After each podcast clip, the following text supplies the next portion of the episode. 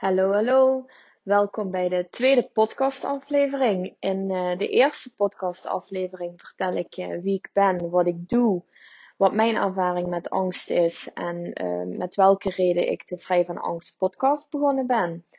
Um, ja, de tweede aflevering alweer, die, die komt er nu dus aan. Ik uh, heb op dit moment nog geen gelikte mooie intro of outro tune. En uh, het geluid zal ook nog niet helemaal top zijn. Maar dat maakt niet uit. In het mom van Start Before You're Ready uh, ben ik hier eigenlijk mee begonnen. En sta ik open om mezelf elke keer te verbeteren. En um, ja, de podcast beter te maken. Dus dat even gezegd hebbende nu de tweede aflevering. En um, ja, eigenlijk de eerste aflevering waarin we echt uh, gaan beginnen. Um, de eerste heb ik dus echt gebruikt om mezelf voor te stellen. Ja, zodat iedereen weet wie ik ben en wat mijn verhaal is in, uh, in het kort. Ik zal een andere podcast nog gaan gebruiken om, ja, om echt de diepgang in te gaan. Hoe mijn leven is geweest met een angststoornis. Maar in deze, ja, eigenlijk eerste aflevering wil ik het echt met jullie gaan hebben over de basis. En guess what dat is? Angst.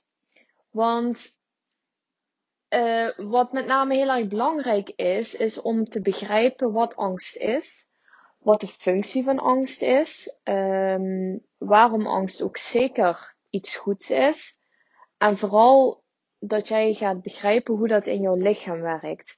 Want als je het begrijpt, dan kun je het vaak ook uh, sowieso accepteren. Hè? Het maakt het accepteren een stuk makkelijker. Dus waarom reageer ik zoals ik reageer? En ja, het is gewoon handig om te weten hoe het allemaal in elkaar zit. En uh, daar wil ik deze aflevering vandaag voor gaan benutten. Nou, angst is dus een um, hele basale en hele belangrijke functie, emotie. Er zal niemand zijn die niet weet wat angst is. Je kent het misschien wel. Je zit beneden uh, een film te kijken en ineens hoor je vanaf de bovenverdieping een harde knal. Nou, waarschijnlijk durf ik bijna zeker te, van te zijn. Hè, heb je je hart in je keel? Uh, ga je sneller ademen? Ga je misschien wel zweten? Misschien ga je wel trillen? ineens gaan er allerlei scenario's misschien wel door je hoofd wat dat zou kunnen zijn, even in allerlei flitsen.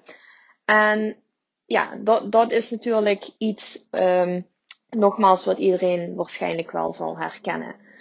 En op het moment dat jij dus die lichamelijke sensaties hebt, zal ik het maar even noemen, wordt jouw lichaam dus eigenlijk klaargemaakt om te vechten of om te vluchten. En waarschijnlijk is je dit ook wel bekend. Hè? Heb je dit wel eens gehoord? Uh, fight or flight reaction. En vroeger, hè, zeg maar heel veel jaren geleden, was dat natuurlijk heel belangrijk. Want het was letterlijk een kwestie van leven of overleven, continu. Toen was die functie, hè, dat, dat angst, uh, die, ja, die angstreactie heel nuttig in principe is het dat op nu de dag van vandaag ook nog wel. Hè? Want als uh, jij op straat loopt en er komt een uh, scooter op je afgereden, dan ja, wil je in principe zonder daarbij na te hoeven denken, uh, willen handelen. En natuurlijk op een manier waarop je jezelf veilig houdt.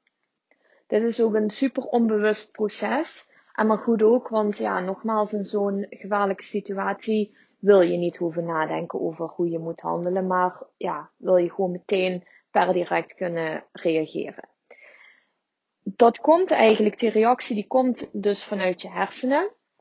Jij krijgt via een van jouw uh, zintuigen krijg jij de prikkel binnen dat er mogelijk gevaar zou kunnen zijn. Dus dat kan uh, via iets wat je, wat je hoort, of wat je ziet, of wat je voelt, of wat je proeft, hè, maakt niet uit.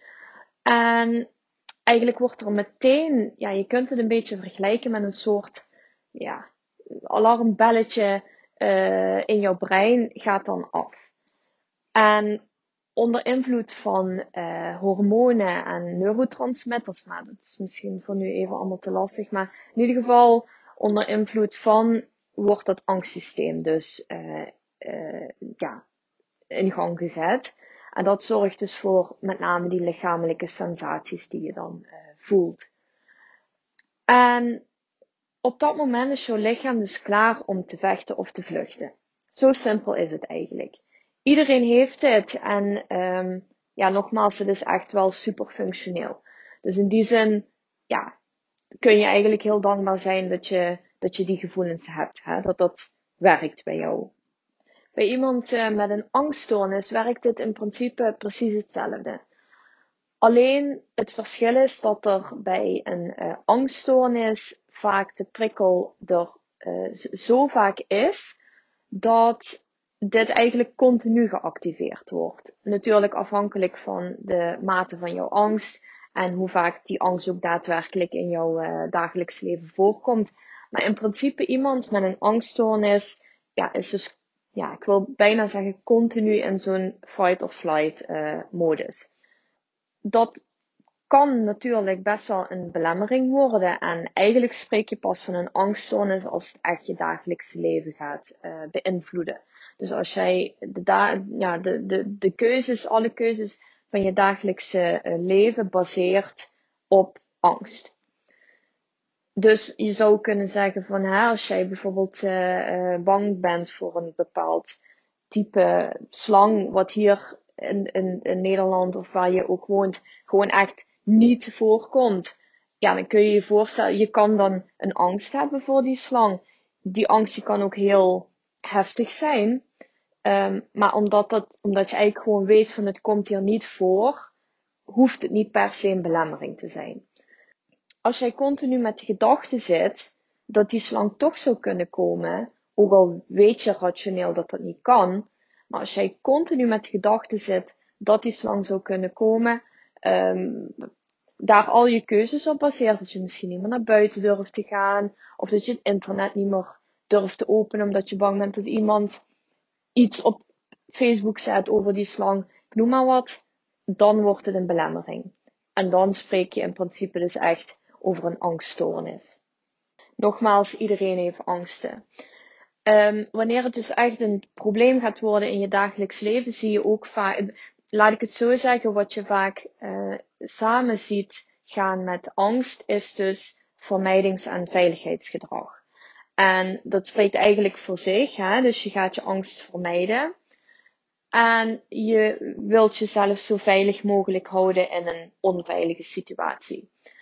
Dus dat zou kunnen uitleggen als in vermijden um, stel je voor, om het heel even een beetje uh, behapbaar te maken, stel je voor, je hebt een enorme angst uh, voor honden. En dat gaat, uh, die angst die zit zo diep, dat je dus echt absoluut de straat niet meer opgaat. Omdat, ja, mogelijk, mogelijk zou je een, een hond kunnen tegenkomen. Dan heb je het dus echt over het stuk vermijden. Daarnaast heb je ook veiligheidsgedrag. Hè? Het, het, um, basisprincipe is eigenlijk altijd um, ja, jouw veiligheid. Dus jouw brein wil jou eigenlijk zo veilig mogelijk houden. En veilig, veiligheid is eigenlijk staat gelijk aan weg van hetgeen van de pijn. Nu um, zijn er situaties waarin je bijvoorbeeld, stel e-, om even terug te komen op de uh, angst voor de hond. Er zullen altijd situaties zijn waarin je het zeg maar niet helemaal kan vermijden. Dus dat je toch de straat op zou moeten. Dan ga je uh, bij veiligheidsgedrag ga je dus dingen doen om jezelf zo veilig mogelijk te houden in een voor jou onveilige situatie. Bij de hond zou dat kunnen zijn um, bijvoorbeeld dikke kleding aandoen. Dat als hij dan bijt, dat je het niet voelt. Of minder voelt. Of dat het minder pijn doet. Of minder gevaarlijk is. Um, als ik kijk naar mijn eigen situatie, dus met de angst voor overgeven, zou vermijdingsgedrag in mijn geval uh, betekenen bepaalde dingen niet meer eten.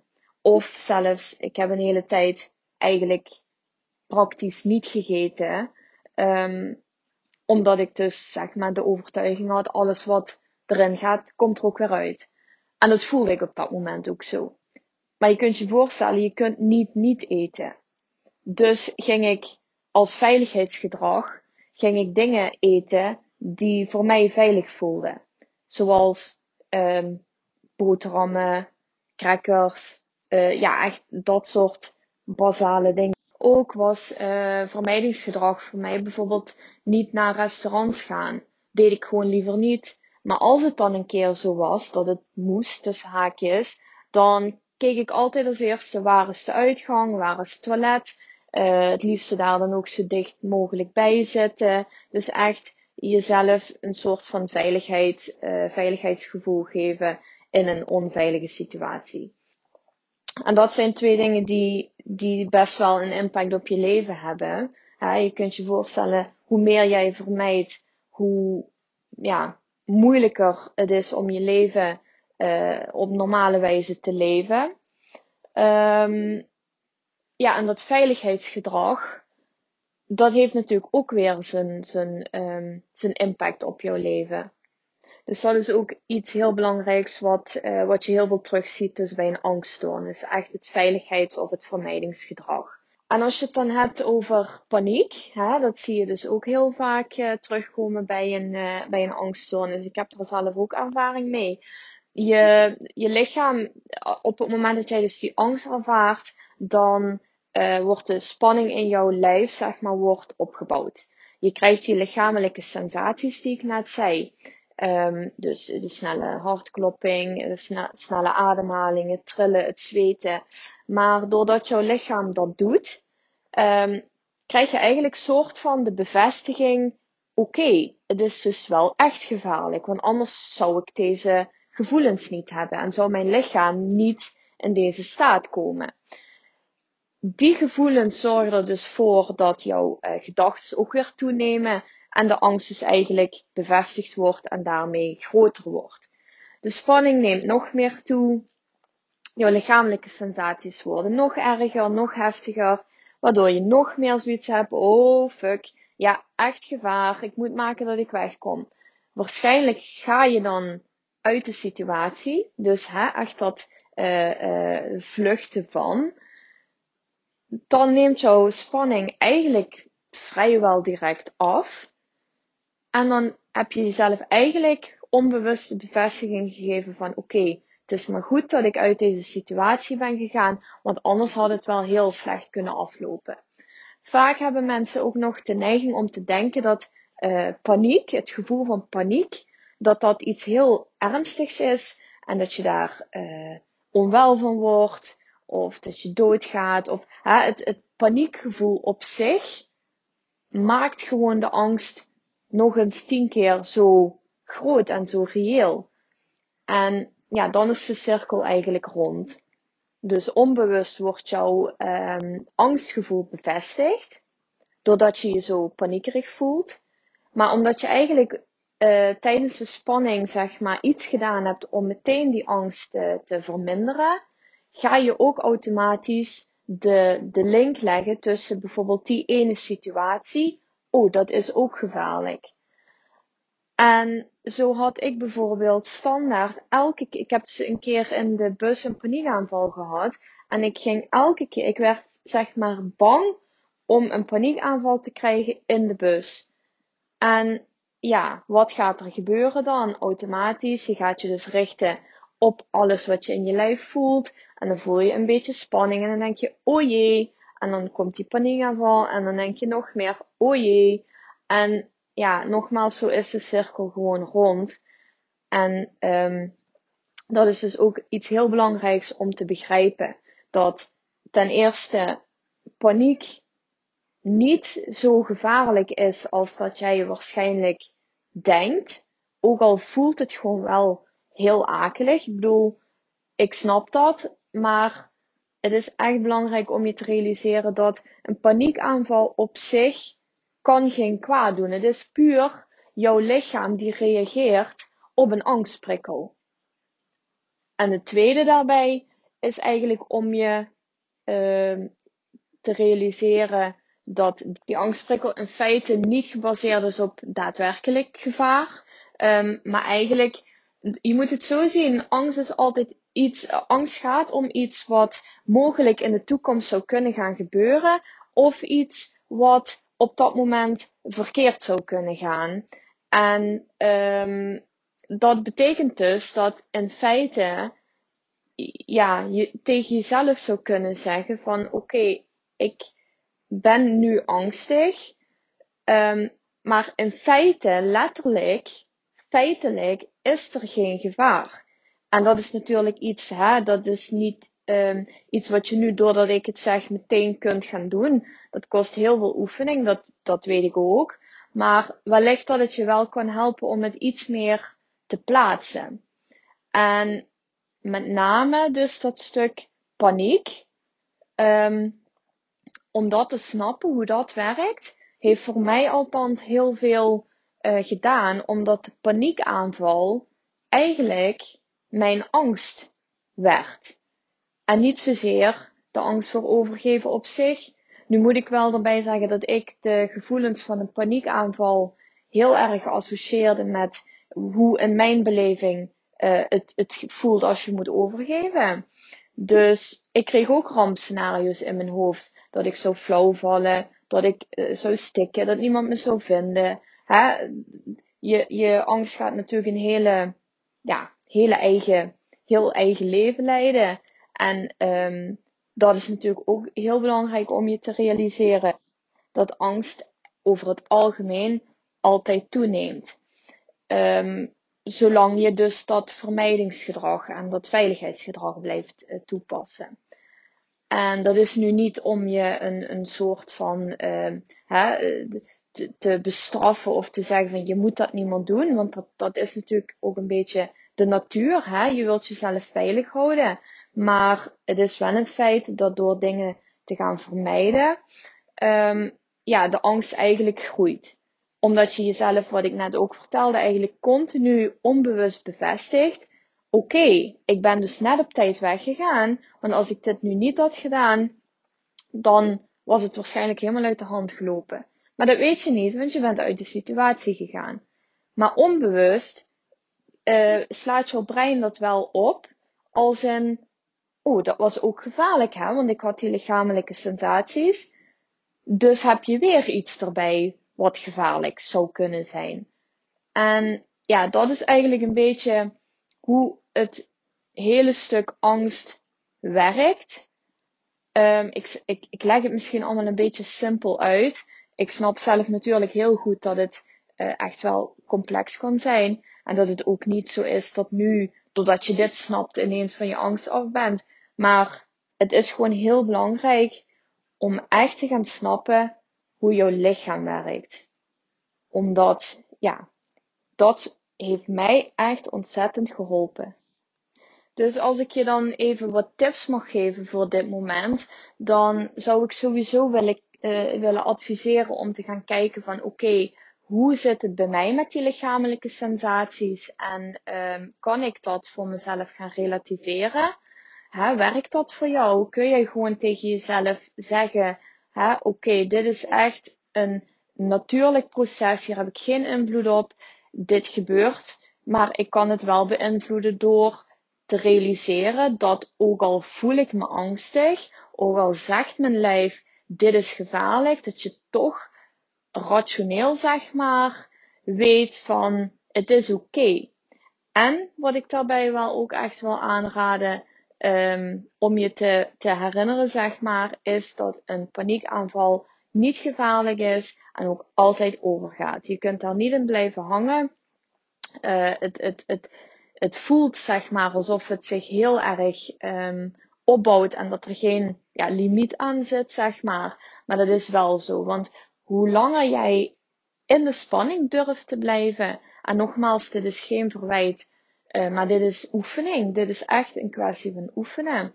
Hoe langer jij in de spannende situatie durft te blijven, hoe geleidelijker um, het paniekgevoel afneemt, maar hoe um, het beter ook weer in jouw brein wordt opgeslagen dat je dat zeg maar ja, overwonnen hebt.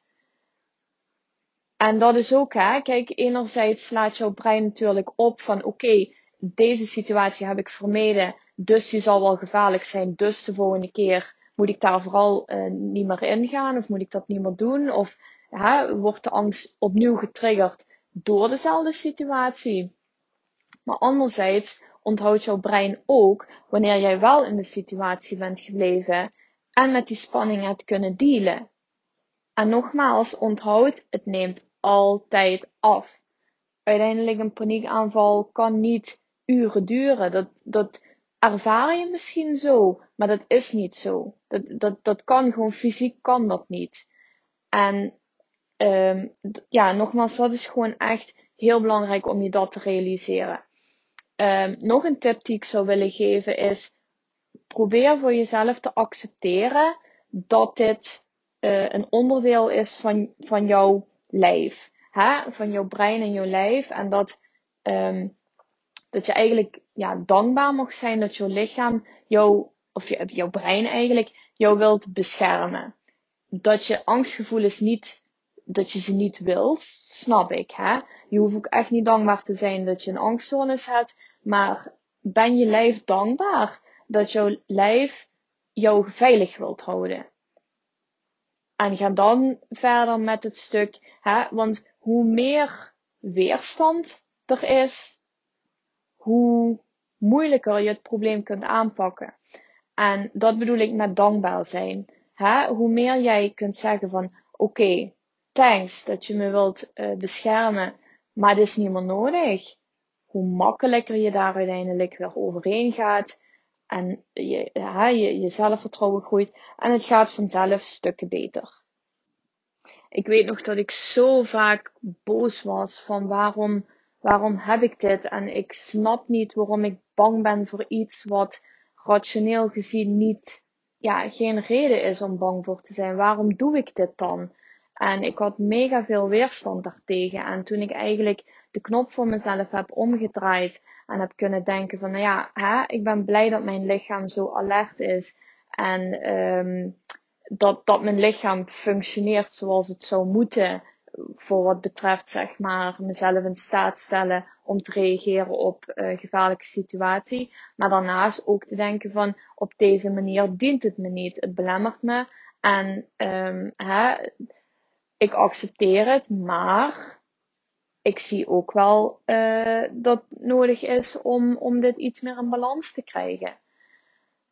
En ja, nogmaals, hoe meer weerstand, hoe moeilijker dat het wordt om, um, ja, om daarmee om te gaan. En met een paniekaanval uh, zei ik uiteindelijk ook letterlijk van, ja, kom maar, weet je, laat me alle sensaties komen. En ik weet dat het overgaat, ik weet dat me niks gebeurt. Het is nu niet leuk, maar ik weet over tien minuten, bij wijze van spreken, um, weet je, is het klaar. En um, hou je daar aan vast in die zin. Hè? Verwacht niet van jezelf dat het nu ook ineens allemaal super goed moet gaan. Maar weet wel dat het kan. Want ik, ik, ik weet zeg maar waar ik vandaan kom en waar ik over spreek.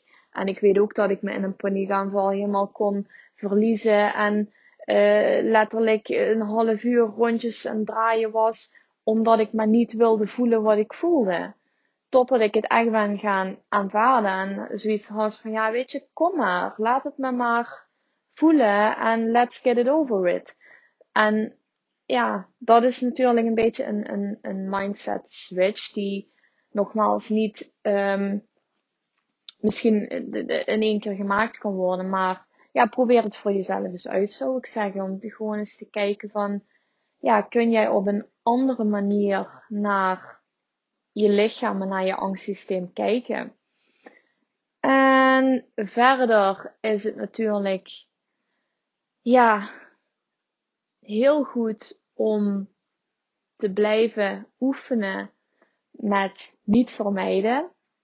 En uh, ook dit, ik snap dat dat niet iets is wat je even zomaar doet, maar met de kennis dat vermijden het eigenlijk erger maakt. En dat is een hele pijnlijke, um, pijnlijke waarheid. Maar het is wel zo.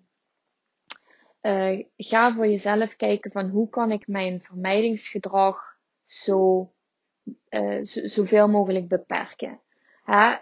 Um, je hoeft niet meteen alles te gaan doen wat je akelig vindt of ineens uh, uh, of, boos op jezelf worden omdat je dingen nog steeds vermijdt. Maar ben je bewust van het feit wat vermijding voor je doet, voor je, uh, met je angststoornis doet. En kijk eens of je voor jezelf ergens, al is het maar iets mega kleins, de uitdaging kan vinden. Wat ik bijvoorbeeld uh, deed was, dan ging ik um, uh, met het eten bijvoorbeeld, dan had ik iets wat, wat eigenlijk niet goed voelde. En dan begon ik met één hap bijvoorbeeld. Of uh, een, een kwart van hetgeen wat ik op mijn bord had liggen. En dan ging ik na het eten ging ik meteen afwassen. Is eigenlijk ook vermijdingsgedrag. Maar op dat moment kon ik het nog niet hebben om uh, te eten en stil te zijn, zeg maar, met alles wat daarna zou kunnen gebeuren. Dus ik, ik at wel, maar ik ging mezelf afleiden. Is ook vermijden, maar voor mij werkte dat. En uiteindelijk had ik dat hele bord op. Uh, zonder, of ja, hè, uiteindelijk dan zonder directe afwas te gaan doen. En ging ik mezelf dwingen om bijvoorbeeld, uh, of ja, dwingen, dat is natuurlijk niet het goede. Ja, ik, ik, zie dat bij mezelf was het wel echt een beetje als dwingen, maar wel vanuit een goede motivatie. Um, maar anyway, dat ik dan mezelf dwong eigenlijk van oké, ik heb nu dat bord leeg gegeten, ik blijf nog twee minuten zitten, dan ga ik afwassen. En die twee minuten werden vijf minuten en werden tien minuten. En nu zit ik gewoon na het eten. Ja, ik denk er niet eens eens over na. Ik denk niet, oh, het zou er weer uit kunnen komen. En als ik dat dan denk, dan zou dat enkel een gedachte zijn. Maar dan zou dat niet uh, ervoor zorgen dat ik dan hele rare dingen ga doen om ja, om dat maar niet te voelen. En nogmaals, dat is echt een proces. Ben niet te streng voor jezelf. Wil het niet meteen allemaal um, morgen, zeg maar, voor elkaar hebben. Maar ja, durf wel eens eerlijk naar jezelf te kijken van, goh, in welke situaties zou ik misschien het aandurven zonder te forceren, maar toch om jezelf een klein beetje uit te dagen van in welke situaties zou ik het nu aandurven om net even één stapje verder te gaan. Eén stapje verder dan waar ik normaal zou zeggen, oké, hier wordt het te veel, ik ga vermijden. En hè, in eerste instantie je vermijdingsgedrag alleen al um, erkennen en herkennen is ook al een hele stap. Dus ja, dat zijn eigenlijk in het kort um, de tips die ik je voor nu kan geven. En ik wil daarbij wel zeggen dat wat voor mij werkt, is natuurlijk niet uh, per se dat, dat dat voor iedereen moet werken. Met mijn podcast wil ik met name heel erg uh, delen vanuit eigen ervaring, maar ook natuurlijk vanuit de mensen uh, die op mijn pad komen. Maar uiteindelijk zijn het adviezen, zijn het tips. En um, als je twijfelt of als je merkt van ik kan of durf dit niet alleen, ga ook alsjeblieft niks willen forceren. Um, schakel hulp in van vrienden, van een huisarts, van een psycholoog, van een coach. Het maakt niet uit. Maar weet in ieder geval, laat mijn verhaal een, een um, iets zijn om je meer informatie te geven en ook om je misschien te motiveren en te laten zien dat het kan. Maar voel je niet afgedwongen om per se mega grote stappen te gaan zetten nu. Hè? Het moet voor jou goed voelen en um, ja, laat het vooral, uh, laat het vooral iets zijn wat ervoor zorgt dat je het vertrouwen uh, krijgt of, of houdt dat het beter kan worden. En uh, daarmee wil ik deze podcast nu ook afsluiten, want hij, uh, hij duurt ondertussen toch best wel een tijd. Nu heb ik er eigenlijk niet echt een tijd aan gekoppeld. Um, maar goed, het moet ook prettig blijven om naar te luisteren. Dus ik, uh, ik ga hem afsluiten. Ik hoop dat je er veel aan hebt. En uh, laat het me vooral weten in een uh, DM berichtje of een e-mailtje. Op Instagram ben ik te vinden onder vrij laagstreepje van laagstreepje angst. Uh, mijn e-mailadres is contact@stephaniehaukes.nl En ja, deel vooral dat je deze podcast luistert, vind ik super tof. En deel het met mensen die, um, die er ook wat aan hebben. En um, ja, fijne dag of avond of nacht of wanneer je dit ook luistert. En uh, tot de volgende keer. Bye bye.